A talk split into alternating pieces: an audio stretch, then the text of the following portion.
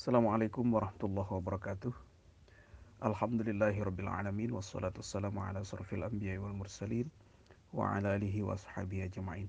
أشهد أن لا إله إلا الله وحده لا شريك له وأشهد أن محمدا عبده ورسوله. اللهم صل على سيدنا محمد وعلى آل سيدنا محمد كما صليت على سيدنا إبراهيم وعلى آل سيدنا إبراهيم في العالمين إنك حميد مجيد.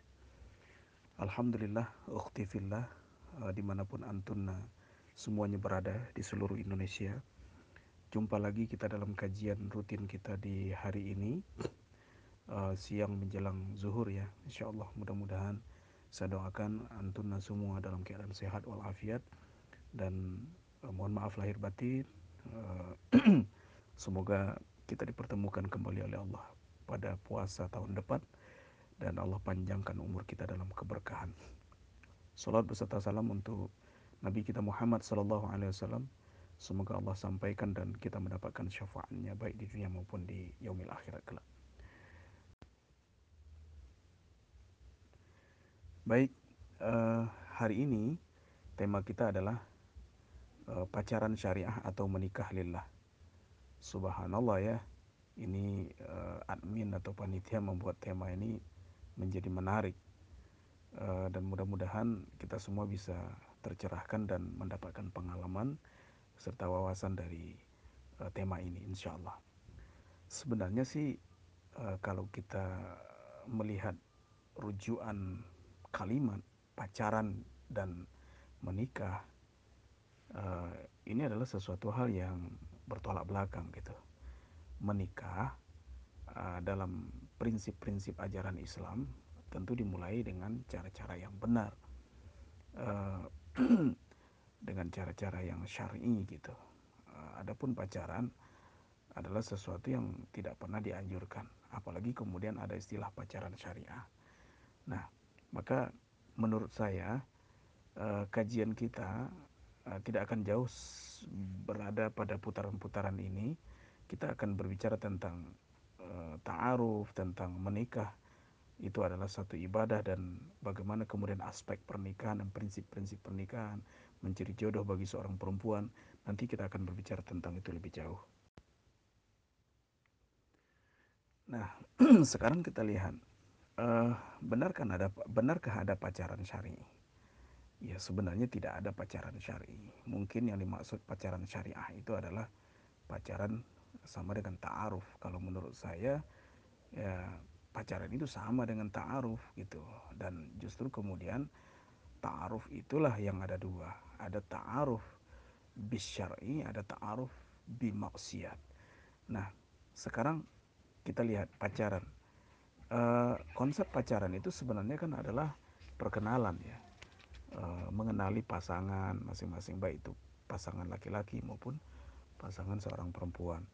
Nah, hingga kemudian dia menemukan uh, kecocokan satu sama lain dan mengambil keputusan untuk uh, melangkah lebih jauh uh, berkeluarga atau menikah. Nah, kalau menurut saya itu kan sebenarnya ta'aruf gitu. Nah, tetapi jangan jangan juga kita kemudian ter apa ya terkecoh dengan kalimat ta'aruf gitu. Karena ta'aruf itu sendiri kan artinya bahasa Arab. Bahasa Arab dan kalau diartikan ke dalam bahasa Indonesia ta'aruf itu kan adalah satu perkenalan. Ya perkenalan bisa saja perkenalan dengan cara yang tidak benar, bisa juga perkenalan dengan cara yang benar.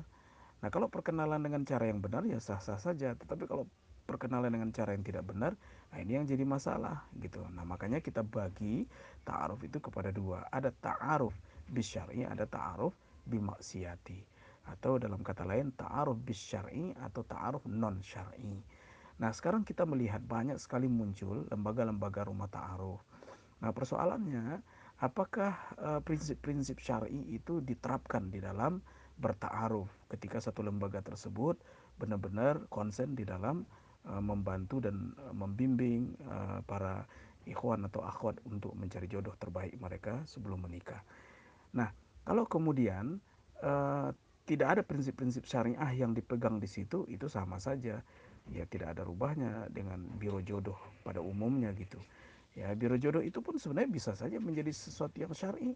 Ya tidak perlu juga namanya rumah ta'aruf bisa jadi namanya biro jodoh biasa saja tetapi caranya adalah cara yang memakai prinsip-prinsip syar'i. Nah, ini kita harus pahami definisi ini terlebih dahulu. Nah, sekarang apa itu ta'aruf bisyar'i? Ya. Ta'aruf bisyar'i adalah memulai perkenalan untuk menemukan jodoh terbaik baik bagi seorang laki-laki maupun perempuan dengan cara-cara yang syar'i, dengan cara-cara yang benar yang telah dianjurkan oleh uh, Rasulullah SAW, Nabi kita Muhammad SAW dan uh, tidak keluar dari rule atau apa yang telah ditetapkan dalam prinsip-prinsip syar'i agama kita yaitu tidak bermaksiat ya tidak berhalwat lalu kemudian dilakukan dengan cara yang benar. Nah uh, apa itu ta'aruf bisyari ta'aruf bisyari adalah satu mencontoh gitu ya mencontoh kepada sesuatu atau apa yang telah diajarkan atau apa yang telah dilakukan oleh baginda Nabi kita Muhammad Sallallahu Alaihi Wasallam artinya ittiba ya ittiba melihat apa yang dilakukan oleh Rasulullah ketika uh, kaum muslimin atau beliau sendiri mau menikah. Nah, maka hal yang pertama dilakukan adalah mengenali pasangannya, baik itu perempuan maupun laki-laki. Bagi antuna sebagai seorang akhwat harus mengenal dulu pasangan kita. Nah, mengenali dengan cara apa? Dengan cara yang benar. Nah, dengan cara yang benar ada tuntunan-tuntunan syar'inya, tidak langsung kemudian berkenalan berdua, ketemu berdua, akhirnya berkhaluat, lalu lama-lama kemudian dekat, semakin dekat, akhirnya muncul perbuatan maksiat. Bukan seperti itu. Nah, kemudian ta'aruf bimaksiat. Ta'aruf bimaksiat adalah lawan dari ta'aruf bisyar'i gitu. Semuanya dilakukan dengan cara yang tidak benar. Belum menikah, belum ada ikatan secara syariat, tapi sudah melakukan seperti sebagaimana orang yang sudah menikah, sudah membuat komitmen terlalu jauh, ya. Itu yang kita kenal dengan berpacaran itu. Akhirnya apa? Yang muncul kemudian adalah mudarat gitu. Pasti ada salah satu yang dirugikan, ya. Kalau ternyata Allah tidak menjodohkan mereka, maka akhirnya mereka rugi. Ya bagi seorang akhwat, bagi seorang perempuan muroahnya, ya harga dirinya sudah sudah hilang di situ dan bagi seorang laki-laki pun muroah atau harga dirinya pun sudah hilang di situ. Nah makanya kita harus berhati-hati kalau dalam masalah memilih jodoh ini terutama bagi antuna yang perempuan jaga diri ya la taqrabuz zina jangan dekati zina mendekati saja tidak boleh melakukan apalagi kalau melakukan perbuatan zina. Jadi benar-benar kalau seorang perempuan harus menjaga dirinya, jangan sampai melakukan perbuatan maksiat sebelum dia menikah. Kenapa? Karena untuk melahirkan jodoh terbaik dan keturunan-keturunan terbaik tentu harus dengan cara yang terbaik pula. Bagaimana kita akan menemukan dan melahirkan keturunan-keturunan terbaik jika seandainya kita melakukan dengan cara yang tidak baik. Seumpama kita ingin mendapatkan air itu bersih, tetapi hulunya, hulunya kotor, bagaimana muaranya akan bersih? Tentu tidak bisa. Nah, tetapi kalau hulunya bersih, insya Allah ya muaranya akan bersih seperti itu. Sama seperti teori pabrik, industri itu ya. Kalau outputnya ya input maaf inputnya bagus sesuatu yang dimasukkan itu bagus maka insya Allah outputnya akan baik dan kadang kalau inputnya pun sudah baik belum tentu juga outputnya ada aja human error ya sesuatu yang tidak baik nah apalagi kemudian kalau dimulai dengan sesuatu yang tidak baik. Ya jelas hasilnya tidak baik. Nah mudah-mudahan bagi uh, di antara teman-teman saudara-saudara kita yang sudah terlanjur dengan cara-cara yang tidak syar'i semoga Allah beri petunjuk dan hidayah akan kembali kembali kepada jalan yang benar dalam prinsip-prinsip syar'i yang diajarkan oleh agama kita. Jangan sampai kemudian merusak diri ya menghinakan diri kita uh, hingga kemudian kita terjebak ya dengan pola dan cara-cara barat sebagaimana akhirnya uh, meruntuhkan martabat kita sebagai seorang perempuan. Nah, sekarang ta'aruf ya, ta'aruf ilan nikah atau dalam bahasa Inggris for to nikah. Ta'aruf itu ya untuk pernikahan, bukan untuk main-main gitu ya. Bukan ya itu dia kalau buat main-main itu dia aja yang kita lihat dan kenal sekarang jadi pacaran itu. Nah, uh, itu kan di dalam Al-Quran. Ya, Allah berfirman bahwa Allah telah menciptakan kamu dari laki-laki dan perempuan, ya, min zakari wa unsa. Untuk apa? Lita'arofu. Untuk saling mengenali satu sama lain. Dan ayat ini diakhiri dengan kalimat bahwa tidak ada yang paling mulia di antara kamu kecuali kamu yang bertakwa. Jadi yang membedakan oh, perbedaan satu sama lain itu hanyalah ketakwaan kepada Allah. Ya, ketakwaan. Nah, ini yang akan kita bahas panjang lebar nanti bagaimana kemudian mencari seorang jodoh. Nah, jadi intinya ta'aruf itu Allah kaitkan di sini adalah dengan ketakwaan gitu. Ta'aruf Allah kaitkan dengan ketakwaan. Yang kemudian nanti kita akan mengenal kufu gitu. Ya. Sesungguhnya Allah menciptakan laki-laki dan perempuan untuk ta'aruf, untuk saling kenal mengenal, ya. Ah, Allah kemudian menjadikan kita bersuku-suku, berbangsa-bangsa uh, untuk taruh, untuk saling kenal, mengenal gitu. Syu'ubaw wa qabaila lita'arafu. Ya kan? Nah, itu semua kan prinsipnya adalah bagaimana kemudian kita saling mengenal dan akhirnya kita memahami ya, memahami uh, satu sama lain dan akhirnya kita maklum dan kemudian kita paham oh ini kekurangan saya di sini, oh kelebihan sana di sana. Sehingga apa yang bisa ditutupi oleh kelebihan jodoh kita ya bisa kemudian menutupi kekurangan kita. Akhirnya kan ke situ perginya. Nah, makanya ta'aruf di sini yang dimaksud adalah sebenarnya adalah ta'aruf nikah gitu. Ya betul-betul ta'aruf untuk menikah bukan untuk sesuatu hal yang senang-senang gitu ya. Untuk main-main, hanya untuk coba-coba gitu. Apalagi dengan niat maksiat, itu udah nggak benar. Nah, makanya ta'aruf nikah itu ada tiga prinsipnya. Yang pertama adalah niat yang benar. Ya, niatnya harus benar. Kenapa niat harus benar? Sebab kalau niat ini tidak benar dari awal, ini pasti masalah nantinya. Nah, niat yang benar ini maksudnya apa? Lillahi ta'ala, karena Allah semata. Diniatkan untuk ibadah. Jadi kalaupun misalnya taruhnya gagal, tidak berlanjut ke pernikahan, tidak apa-apa gitu. Tidak ada yang kecewa di situ. Kemudian yang kedua, kalau niatnya benar, tidak ada untuk saling menzolimi di situ. Tidak untuk saling menyakiti ya ketika misalnya tidak ada kecocokan ya sudah ya akhirnya selesai taruhnya dan kita berakhir dengan baik-baik dan tidak ada yang terzolimi tidak ada yang terhinakan di situ. Nah kemudian yang kedua adalah caranya benar. Cara yang benar seperti apa? Jangan sampai melakukan taruh dengan cara yang nggak benar ya. Cara yang benar itu apa sih? Yang pertama adalah jangan ada maksiat di dalam bertaruh nah maka untuk menghindari maksiat itu kita perlu ada pihak ketiga. Apa kata Rasulullah ya jika ada berkumpul uh, dua orang anak manusia hamba Allah laki-laki dan perempuan ya itu jelas yang ketiga adalah setan. Nah jangan sampai kemudian dalam bertaaruf itu berdua nggak ada. Jadi nggak ada istilah taaruf berdua tuh nggak ada. Taaruf tuh nggak berdua. Taaruf tuh mesti ada pihak ketiga. Nah walaupun kemudian bertemunya hanya via online seperti lewat telepon lewat chat itu nggak boleh berdua. Ya kalau niatnya sudah taaruf dan berdua itu sudah jelas dosa. Nah, kok sama? Ustadz kok sama ya? Dengan yang uh, berpacaran dulu. Ya sama saja. Yang satu di dunia online yang tidak tampak. Yang satu zohiria di dunia offline. Kan sama saja sebenarnya. Prinsipnya sama saja gitu. Akhirnya memunculkan dosa gitu ya.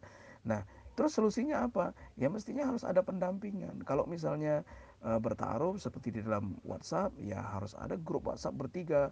Harus ada pendamping ustadznya kah atau saudaranya atau orang tua. Harus ada yang mendampingi kalau bisa sih yang mendampingi itu adalah pihak yang lebih netral yang kemudian bisa memperhatikan bagaimana bertaarufnya mereka ini.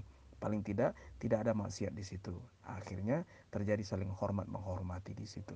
Nah kemudian yang kedua uh, tidak berkhaluat ya tidak pergi berduaan tidak bertemu berdua. Jadi saat bertemu pun ya ketika nazar, jadi ta'aruf itu kan setelah ta'aruf kemudian ada nazar.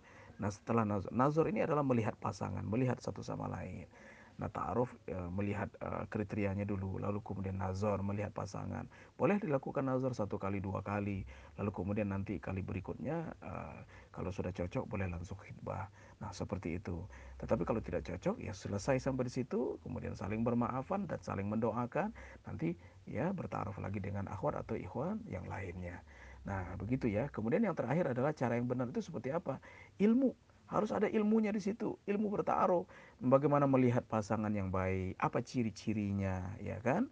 Terus kemudian bagaimana melihat apakah ini banyak keturunan kalau bagi seorang ikhwan atau bagi seorang akhwan ini laki-laki yang baik atau bukan ini penyayang atau tidak ada kriteria-kriteria ada ilmu yang harus kita ketahui di situ makanya sebenarnya ilmu untuk pernikahan ini adalah sesuatu yang fardu ain ya sifatnya fardu ain wajib kita harus ketahui nah fikih nikah itu wajib harus kita ketahui karena bagi seorang muslim pasti dia akan menikah ya karena Nabi kita menganjurkan demikian. Nah kalau kita tidak memahami ilmunya, masya Allah, Bayangkan satu pernikahan yang kita lalui hampir dari lebih separuh umur kita kita pergunakan untuk berkeluarga, menikah, tetapi kita tidak memahami ilmunya. Kan sayang banget gitu. Yang terjadi adalah mencontoh sesuatu yang tidak benar, mencontoh uh, tetangga, mencontoh figur yang lain yang padahal mereka tidak pada koridor prinsip-prinsip yang diajarkan di agama kita. Nah, jadi kita harus tahu ilmunya ya, seperti itu. Nah, berikutnya uh, menikah dan memilih jodoh bagi seorang perempuan. Nah, karena ini adalah majelis akhwan, Abi akan fokus bagaimana menikah dan memilih jodoh bagi seorang perempuan. Uh, saya teringat ya Umar bin Khattab radhiyallahu anha, oh maaf, Umar bin Khattab radhiyallahu anhu seperti dikutip dalam kitab Makarim al-Akhlaq ya, mengajarkan kaum muslimah agar memperhatikan kriteria laki-laki calon suaminya. Ya, ini harus diperhatikan seorang akhwat harus memperhatikan kriteria ini. Jangan sampai kemudian lalai. Ya, jangan hanya karena sudah suka, karena sudah cinta, melihat handsome gitu, ganteng, gagah, ya sudah, akhirnya lupa, buta semuanya. Ini salah. Nah, kriteria laki-laki secara umum terbagi ke dalam tiga golongan, kata Umar bin Khattab. Ya. Laki-laki yang pertama adalah laki-laki yang menjaga diri, lemah lembut, ya. Laki-laki yang menjaga diri, lemah lembut, uh, satu lagi apa ya cepat berpikir dan memiliki keputusan yang tepat. Nah ini penting, ini menurut Umar ya. Kemudian yang kedua ada laki-laki yang ketika dihadapkan pada satu persoalan dia akan pergi kepada orang lain untuk meminta nasihat atau masukan. Nah ini masih bagus, masih oke nih. Artinya dia tahu kalau dia itu kurang ilmunya, nah dia mencari seseorang yang ahli untuk kemudian diberi nasihat. Tetapi ini yang celaka nih, yang ketiga, laki-laki yang selalu bingung tidak pintar, udahlah bingung, udahlah bodoh gitu ya. Enggan pula mendengarkan pendapat orang lain. Ini laki-laki seperti ini hindari. Jadi kalau bagi kalian nanti menemukan laki-laki yang suka bingung gitu, ya, sulit mengambil keputusan gitu, uh, ragu gitu. Banyak orang kan terjadi kecelakaan itu kan karena ragu, nyebrang antara mau mundur atau mau terus, akhirnya mundur maju mundur maju akhirnya ketabrak malah. Nah ini kebanyakan seperti itu laki-laki yang nggak benar. Nah, ini hati-hati ini para akhwat kalian harus perhatikan. Laki-laki salah satunya laki-laki yang harus tegas gitu. Dia berani mengambil keputusan dan kemudian bertanggung jawab. Ya, kemudian yang paling bagus adalah laki-laki yang menjaga diri, lemah lembut, cepat berpikir dan memiliki keputusan yang tepat, bertanggung jawab. Nah, inilah laki-laki yang harus dicari kriterianya seperti ini. Nah, oke, okay, kalaupun misalnya tidak menemukan laki-laki seperti ini, cari laki-laki yang kedua. Laki-laki yang ketika dihadapkan pada suatu persoalan, dia pergi kepada orang yang ahli untuk meminta nasihat atau masukan. Jadi dia tahu bahwa dia merasa kurang, ya dia dia dia mau meminta petunjuk, dia mau menerima masukan. Dan jangan sampai kalian terjebak kepada laki-laki yang selalu bingung, ya, bingung mengambil keputusan, ragu, ya, dan sudahlah bingung, ragu, tidak tidak punya ilmunya, enggan pula mendengarkan mendengarkan pendapat orang lain. Nah, ini ini musibah kalau menemukan laki-laki seperti ini. Tetapi kalau sudah terjadi gimana Ustaz? Ya sudah kalau sudah terjadi kita perbaiki gitu ya. Terima itu sebagai sesuatu yang memang Allah sudah takdirkan, tidak ada yang buruk di situ. Siapa tahu ada kebaikan yang memang Allah takdirkan untuk antunna di situ ya untuk uh, untuk seorang perempuan itu. Nah, uh, Uktifillah, di mana pun antum berada, antuna berada di seluruh Indonesia, ada tiga prinsip ya ini tiga prinsip memilih jodoh bagi seorang perempuan. Ya ini harus diperhatikan. Ini uh, saya mengambil dari berbagai uh, apa berbagai sumber ya yang dari berbagai sumber kitab dan berbagai sumber bacaan. Ada tiga prinsip memilih jodoh bagi seorang perempuan. Yang pertama adalah nikahlah dengan laki-laki yang bertakwa kepada Allah. Ya laki-laki yang bertakwa kepada Allah. Kenapa? Karena uh, begini, salah seorang uh, sahabat ya pernah berkata begini, uh, nikahlah dengan laki-laki yang berakhlak ya atau, atau yang bertakwa kepada Allah. Apa jawaban uh, seorang sahabat yang bernama Imam Hasan? Imam Hasan, kalau laki-laki itu mencintai anakmu, kata beliau, ya kepada seseorang yang bertanya kepadanya, wahai Imam Hasan, saya mau menikahkan anak saya. Kriteria apa yang baik buat anak saya? Kata Imam Hasan, carilah laki-laki yang bertakwa kepada Allah. Nah, kalau laki-laki itu mencintai anakmu, ia akan memuliakannya. Dan kalau tidak mencintainya, ia tidak akan menganiaya atau tidak akan menzoliminya. Itu kata Imam Hasan. Nah, apa yang dikatakan oleh Imam Hasan ini sangat sangat jelas ya, sangat bagus sekali untuk menjadi suatu pedoman buat antuna mencari seorang uh, jodoh uh, atau seorang bapak atau seorang orang tua mencari jodohkan untuk anak gadisnya. Bahwa seorang suami haruslah sosok yang beriman kepada Allah dan berakhlak mulia. Itu yang disebut dengan bertakwa. Nah, uh, kita melihat di sini definisi takwa ya. Definisi takwa di sini adalah sebenarnya yang pertama adalah takut kepada Allah. Laki-laki yang dimaksud di sini adalah laki-laki yang takut takut kepada Allah. Maka lihatlah bagaimana sholatnya. Nah ini yang pertama. Lihat sholatnya dia melalaikan sholat atau tidak suka meninggalkan sholat atau tidak. Kenapa? Karena ketika ia takut kepada Allah insya Allah dalam hari-harinya dia akan lebih takut lagi untuk kemudian menzolimi orang lain atau kemudian membuat sesuatu yang merugikan orang lain. Nah inilah perlunya takwa. Yang pertama takut kepada Allah. Definisinya seperti itu. Kemudian yang kedua, uh, menjalankan semua perintah yang dianjurkan oleh Allah Subhanahu dan menghindari semua larangan yang dilarang oleh Allah. Artinya menjalankan perintah dan menghindarkan larangan. Dia adalah taat gitu. Dia taat, ya, dia memegang nilai-nilai prinsip-prinsip ajaran agamanya, ya. Kemudian yang ketiga yang terakhir takwa di sini adalah uh, jika ia melakukan satu perbuatan yang dosa atau perbuatan yang bersalah, dia cepat kembali kepada Allah. Dia kembali bertobat kepada Allah dan kemudian dia menyesali perbuatan dosanya dan ingat kembali kepada jalan yang benar. Nah, ini laki-laki yang bertakwa. Nah, kemudian yang kedua adalah nikahlah dengan laki-laki yang akhlaknya baik. Akhlaknya yang baik di sini tadi sudah dijelaskan oleh Sayyidina Umar bin Khattab radhiyallahu anhu ya bahwa laki-laki yang yang akhlak yang baik di sini yang dimaksud adalah lemah lembut, tegas, mengambil keputusan, bertanggung jawab. Nah, uh, tetapi akhlak di sini sebenarnya adalah sifatnya umum ya. Nah, umum. Yang paling penting menurut saya di sini akhlak yang dimaksud di sini adalah uh, uh, karakternya ya. Kalau kita bahasa Indonesia kan akhlaknya ya karakter kan. Karakternya itu adalah karakter yang yang yang bisa untuk selalu memperbaiki diri gitu mau menerima masukan mau memperbaiki dirinya dan kemudian mau terus mau belajar gitu ya jadi kalaupun misalnya uh, kita menemukan laki-laki yang yang akhlaknya apa yang tidak bertakwa atau kurang takwanya tetapi kalau akhlaknya baik tidak apa-apa artinya suatu saat dia akan bisa berubah gitu dia bisa menaikkan kufunya untuk menjadi seorang yang bertakwa nah makanya tadi di awal Abi sudah katakan bahwa sebenarnya uh, ayat yang terkait dengan kufu dan takwa ini adalah asbabun nuzulnya kan saat Bilal ya, saat Bilal bin Robah uh, azan. Azan disuruh oleh Rasulullah azan, kemudian ada salah seorang sahabat nyeletuk, siapa sih itu yang azan? Orang hitam seperti itu, budak lagi kok azan. Nah, akhirnya turunlah ayat itu bahwa sebenarnya uh, aku jadikan kalian bersuku-suku dan berbangsa-bangsa untuk lita'arofu, untuk saling kenal mengenal. Dan yang hanya membedakan uh, satu sama lain itu adalah ketakwaannya. Ya, jadi pilihlah laki-laki yang bertakwa, kemudian laki-laki yang berakhlak yang baik. Dan yang terakhir adalah laki-laki menjaga diri, menjaga diri, ya, menjaga diri dari perbuatan-perbuatan maksiat. Nah, jadi apabila kalian menemukan laki-laki yang seperti ini, tidak ada masalah. Datang kepada orang tuanya, minta kemudian ditaarufkan atau kemudian cari temannya untuk kemudian bertaaruf dengan laki-laki yang seperti ini. Jadi sebenarnya tidak banyak syarat bagi seorang perempuan untuk menerima seorang laki-laki.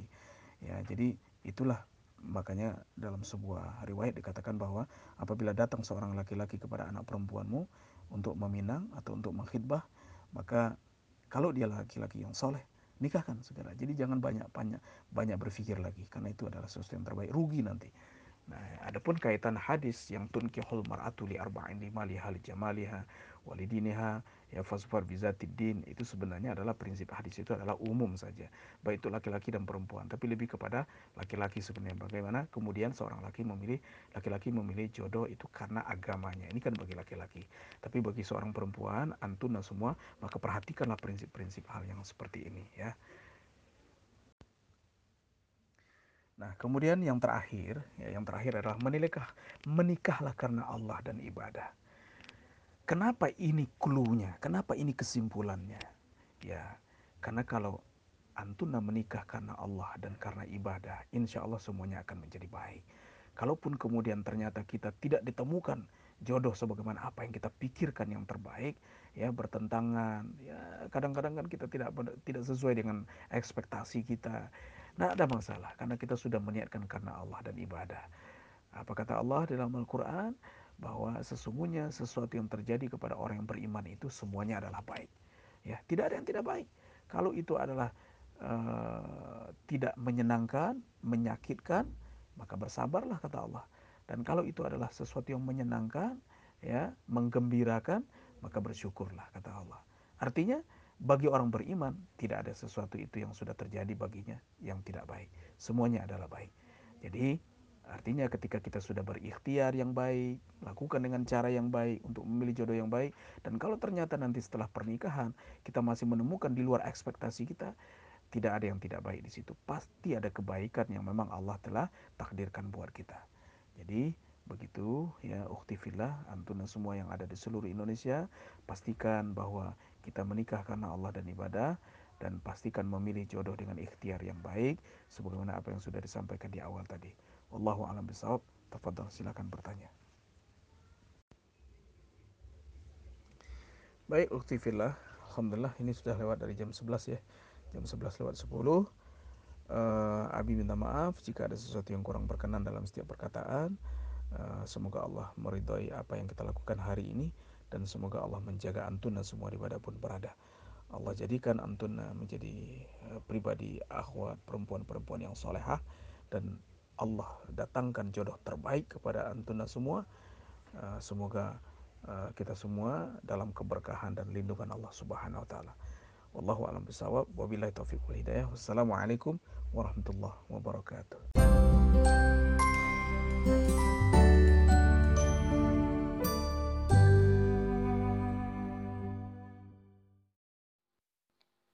Pertanyaan pertama. Bismillah, semoga Allah selalu merahmati Ustadz beserta keluarga dan juga tim MDA. Izin bertanya Ustadz, yang pertama, setelah istikharah, kiat apa saja yang dapat meyakinkan hati menerima ikhwan yang sebelumnya tidak dikenal sama sekali untuk menjadi pendamping hidup. Sedangkan saat ini sedang marak berita ikhwan yang memainkan pernikahan dengan beberapa akhwat, memberikan identitas palsu mengenai dirinya. Yang kedua, kemudian anak izin meminta pendapat Ustadz. Ada teman dekat yang menawarkan Ana ta'aruf dengan teman ikhwannya. Setelah Ana cek akun media sosial ikhwan tersebut, beliau memang tidak menunjukkan eksistensi diri, hanya saja beliau mengikuti banyak akun akhwat yang bisa jadi tidak ada keperluan dengannya.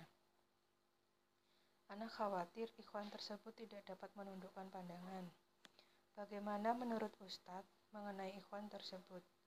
Namun insya Allah Ana mempercayai, mempercayai teman Ana ketika menawarkan seorang ikhwan. Apakah Ana coba dulu untuk ta'aruf dengannya? Mohon maaf jika pertanyaannya agak panjang Ustadz. Jazakallah khairan. Baik, pertanyaan pertama ya. Ini ceritanya setelah istikharah kiat apa saja yang dapat meyakinkan hati untuk menemui ikhwan yang sebelumnya tidak dikenal sama sekali untuk menjadi pendamping hidup. Sementara sekarang banyak atau marak berita ikhwan yang memainkan pernikahan dengan beberapa akhwat, memberikan identitas palsu mengenai dirinya. Ya, setelah istikharah, makanya sempurnakan ikhtiar gitu. Ikhtiar harus disempurnakan dulu. Jadi istikharah itu akan baru bermanfaat ketika ikhtiarnya sudah disempurnakan. Nah, apa saja ikhtiar yang sudah disempurnakan? Tentu makanya tadi harus ada ilmunya. Jangan sampai kemudian berikhtiar tanpa ilmu, bertaruh tanpa ilmu. Nah, makanya kan kemudian dalam bertaaruf itu yang pertama ada nazor. Kita melihat pasangannya, kita melihat calonnya, kita melihat teman ta'aruf kita itu dari dekat, melihat wajahnya seperti apa, karakternya seperti apa. Nanti kan kalau sedang ber, udah berbicara, sudah ngobrol beberapa saat, nanti akan ketahuan karakternya. Satu. Kemudian yang kedua, kita melihat CV-nya ya, kurikulum vitae-nya, profilnya, dan bahkan bila perlu kita uh, dianjurkan untuk kemudian uh, menelisik gitu atau mengirimkan mata-mata. Nggak apa-apa kirimkan mata-mata kirimkan orang untuk memata-matainya yang orang yang bisa kita percaya. Seperti ini sebenarnya seperti apa sebenarnya karakternya dia orang ini. Apakah baik gitu bagaimana ibadahnya apakah dia tergolong kepada laki-laki yang berakhlak laki-laki yang uh, bertakwa gitu ya laki-laki yang lembut dan bertanggung jawab atau tegas dalam mengambil keputusan seperti kriteria tadi itu Nah, kalau kita sudah menyempurnakan ikhtiar, kemudian istikharah, itu kemudian insya Allah Allah akan berikan jalan terbaik. Ya, kalau kemudian sudah ikhtiarnya sempurna, lalu kemudian setelah istikharah masih ragu, ya sudah berarti Allah memberikan petunjuk yang kita tidak bisa melihatnya. Tetapi kemudian setelah istikharah, insya Allah mantap kalau dengan ikhtiarnya yang baik, gitu ya. Nah, jadi uh, kiat-kiatnya seperti itu, sempurnakan ikhtiar. Walaupun setelah istikharah sempurnakan ikhtiar lagi. Ya begitu. Kemudian kemudian apa ada teman dekat yang menawarkan taruh dengan teman ikhwannya. Setelah dicek akun media sosial tersebut ya, negatif lah gitu ya. Jadi begini kadang kita tidak boleh merasa merasa lebih baik daripada orang lain. Kita tidak boleh. Karena semua orang ya ya sering disampaikan oleh Agim ya Agim pernah mengatakan begini kita ini hanya karena ditutup aib saja oleh Allah gitu ya kalau seandainya Allah bukakan aib kita kita juga tidak jauh lebih baik daripada orang lain nah jadi oleh karena itu jangan sampai kemudian kita skeptis dulu ketika melihat orang lain berbuat maksiat atau sesuatu yang tidak baik yang ia lakukan. Sementara kita tidak melihat, melihat dengan mata kepala sendiri. Atau hanya baru lihat dari sosial media dan segala macam. Jangan. Maka hal yang terbaik yang dilakukan adalah bertaaruf dulu ya. Beri kesempatan kepada diri kita dan orang itu untuk bertaaruf. Itu baru adil namanya. Tetapi kalau kita tidak bertaaruf atau belum bertaaruf baru hanya sekedar melihat lalu bertanya-tanya kepada orang lain nah, itu baru itu namanya kita tidak adil. Kita tidak adil kepada diri kita dan orang itu untuk memberikan kesempatan bertaaruf kepada kita. Nah kalau sudah bertaaruf dan ternyata nanti kita menemukan hal-hal yang negatif, menemukan sesuatu yang tidak cocok, ya itu baru kemudian kita boleh mengambil keputusan di situ. Dan siapa tahu, ya siapa tahu dalam proses perjalanannya, ya Allah membukakan hidayah, Allah menjadikan orang itu menjadi orang yang mendapat hidayah, orang yang bertobat. Oh subhanallah gitu betapa banyaknya yang dulunya mereka mabuk, yang dulunya mereka uh, berfoya-foya dengan kemaksiatan, tetapi kemudian mereka hijrah dan menjadi orang baik. Banyak yang seperti itu. Ya, jadi kita tidak boleh merasa diri kita lebih baik pada orang lain. Ini akan menyusahkan diri antun, nah, diri ukhti untuk kemudian memilih jodoh terbaiknya. Allahu alam. Pertanyaan kedua. Assalamualaikum. Maaf saya mau bertanya. Ketika kita sudah berumur untuk menikah namun jodoh belum Allah datangkan, tapi di masa-masa seperti ini ada teman laki-laki kita yang bisa dikatakan akrab ke kita, bertanya kabar atau seminggu sekali WA-nan. Nah, respon yang baik untuk saya sebagai akhwat yang belum menikah bagaimana? Karena kalau iseng saya tanya, dia sudah siap menikah apa belum? Kemungkinan belum karena dia belum mapan.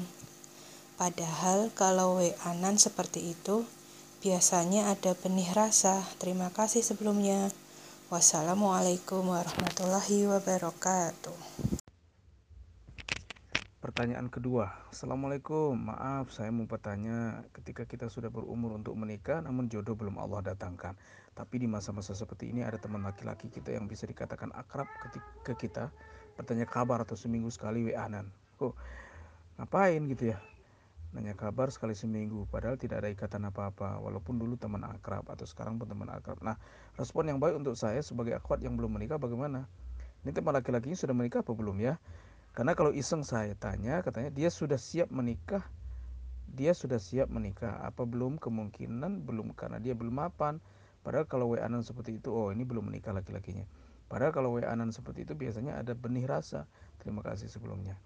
Nah makanya inilah pentingnya pihak ketiga gitu. Pihak ketiga kita dia dan pihak ketiga.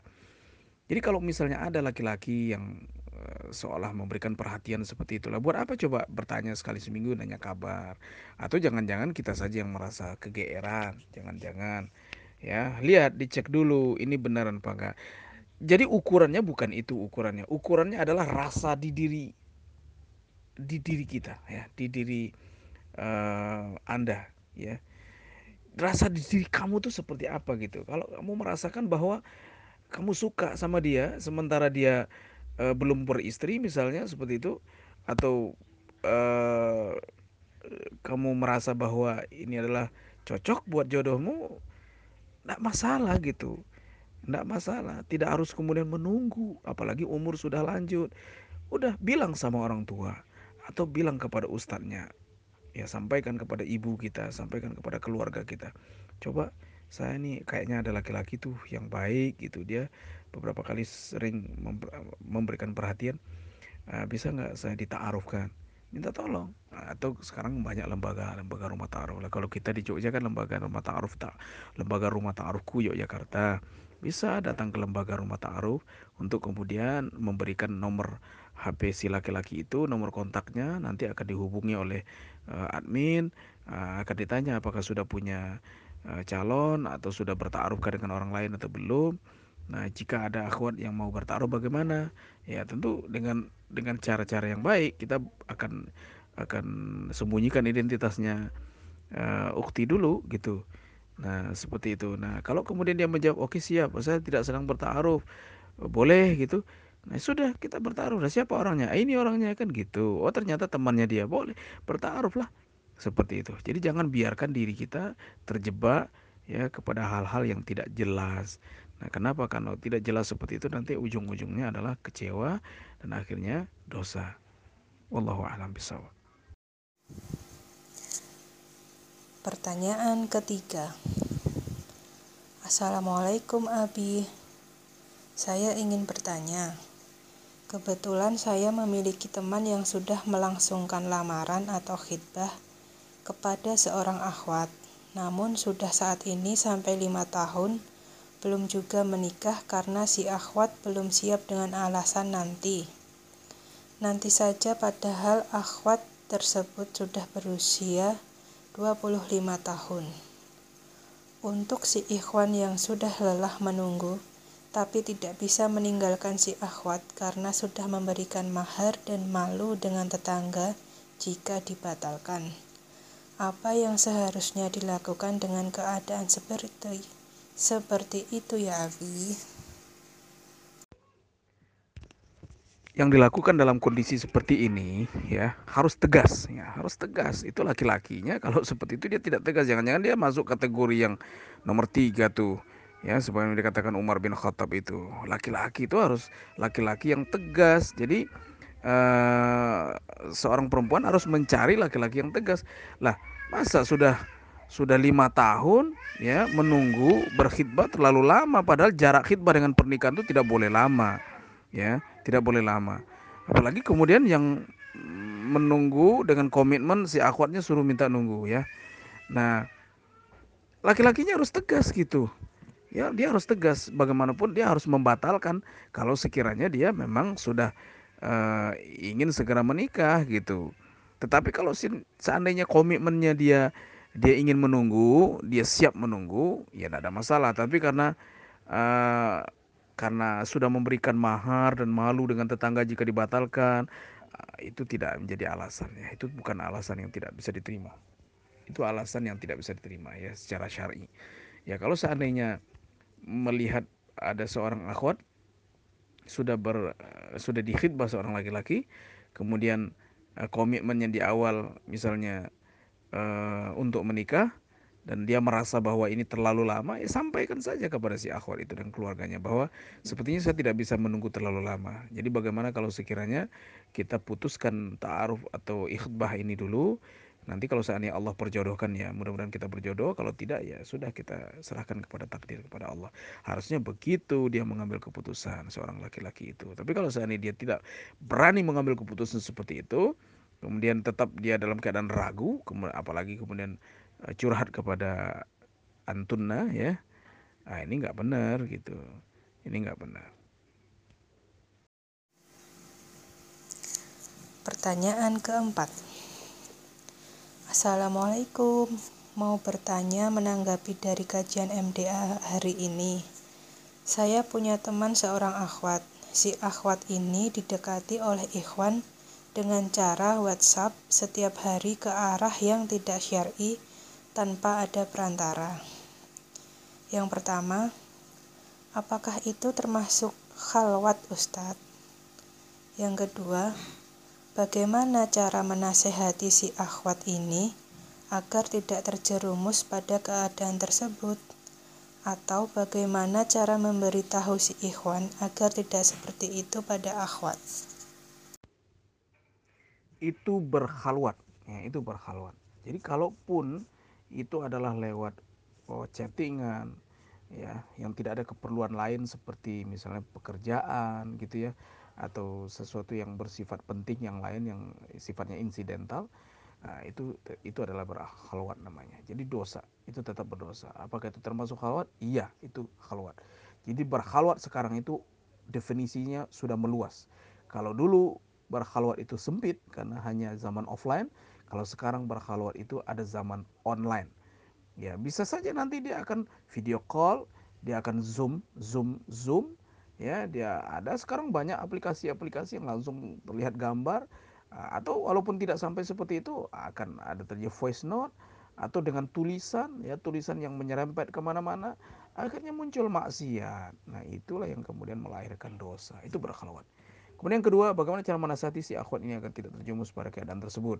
Atau bagaimana cara memberitahu si ikhwan agar tidak seperti itu pada akhwat? Ya memberitahu ikhwan beritahu temannya atau gurunya atau ustadznya untuk menasihatinya. Bukan bukan kita langsung nasihatinnya ya cari temannya si akhwat ikhwan itu nah beritahu ya beritahu kondisinya. Atau untuk menasihati akhwatnya eh, karena dia adalah temannya ukti ya ya sudah langsung saja. Nasihati saja buat nasihati saja se, semampu kita. Ya kalau kita sudah nasihati dan masih melakukan seperti itu ya sudah ya itu sudah tanggung jawab kepada dirinya sendiri. Pertanyaan kelima. Assalamualaikum, izin bertanya. Ustadz, apa yang harus dilakukan seorang akhwat ketika kenalan tadi berlangsung secara online namun tidak melalui perantara? Diketahui bahwa keduanya belum siap untuk melanjutkan kepada jenjang selanjutnya. Bagaimana cara akhwat mengakhiri agar tidak menzolimi? Kemudian, apakah ada komitmen dalam Islam semisal sudah ke orang tua kemudian memberikan syarat menunggu? Apa yang harus dilakukan seorang akhwat ketika kenalan tadi langsung secara online namun tidak melalui perantara? Diketahui bahwa keduanya belum siap untuk melanjutkan kepada jenjang selanjutnya. Bagaimana cara akhwat mengakhiri agar tidak menzolimi? Ya akhiri saja, tidak perlu memikirkan untuk zolim, karena itu sebenarnya perbuatan seperti itu saja sudah zolim gitu. Ngapain untuk memikirkan menzolimi? Ya perbuatan begitu saja sudah zolim, akhiri saja gitu. Agar apa? Justru kalau dilakukan terus itu akan menzolimi diri sendiri. Makanya itu kan Robbana zolamna anfusana wa ilam taghfir kan doa kita kepada Allah jangan kita meminta ampun kepada Allah karena kita adalah orang yang telah zolim kepada diri kita. Nah ini salah satu menzolimi diri ya dengan cara-cara yang seperti ini. Ya jangan pikirkan perasaan bagaimana ya, supaya nanti laki-laki itu sakit hati kita zolim enggak enggak usah pikirkan seperti itu. Ya, tanya sekalian ketegasannya kak. Gimana kalau saat ini kita mau lanjut kita harus bertaaruf dengan cara syar'i ya kalau tidak ya sudah cukup sampai di sini blokir nomornya sudah selesai kan? Nah, seperti itu. Ya, langsung selesaikan. Jangan dilanjutkan lagi. Kemudian apakah ada komitmen dalam Islam? Semisal sudah ke orang tua kemudian memberikan syarat menunggu. Komitmen di dalam Islam itu adalah khidbah. Khidbah. Karena itu yang diajarkan oleh Rasulullah secara syar'i. Ya khidbah itu sebenarnya adalah perjanjian gitu perjanjian. Maka orang yang melanggar perjanjian termasuk kategori ayatul munafiqi salasun iza haddasa kadzdzaba wa iza wa'ada akhlafa wa orang yang munafik dia terhukum orang munafik. Kalau sudah khidbah kemudian dia melanggar perjanjiannya di luar ketentuan itu ya uh, dia termasuk tergolong orang munafik. Dia berdosa termasuk dosa besar dia. Tapi kalau sekiranya khidbah itu kemudian bukan kesalahan dia seperti tadi menunggu terlalu lama gitu ya tidak ada masalah gitu jadi komitmen yang dimaksud itu di dalam ajaran prinsip ta'aruf yang benar itu adalah khidbah gitu di luar itu tidak ada ya tidak ada ya kalau khidbah di sini tidak harus kemudian saklek pemahamannya khidbah seperti itu ya. Maksudnya adalah komitmen yang sudah dibuat dengan orang tuanya, dengan si perempuan itu, ya dengan walinya lah misalnya atau dengan yang bersangkutan, ya itu dianggap sebagai satu yang diperumpamakan dengan khidbah. Uh, semisal sudah ke orang tua kemudian memberikan syarat menunggu, ya, ya tergantung kita kan. Kalau kita mengikuti syaratnya ya sudah kita terikat janji. Tapi kalau kita tidak mengikuti syaratnya ya kita bebas. Tapi bagaimana kalau sudah mengikuti syarat itu dan menerima syarat itu. Tapi di pertengahan jalan kita tidak sanggup untuk mengikuti syarat. Ya batalkan syarat. Ya buat lagi perjanjian yang baru. Datangi bicarakan baik-baik. Ya batalkan syarat itu. Nah, seperti itu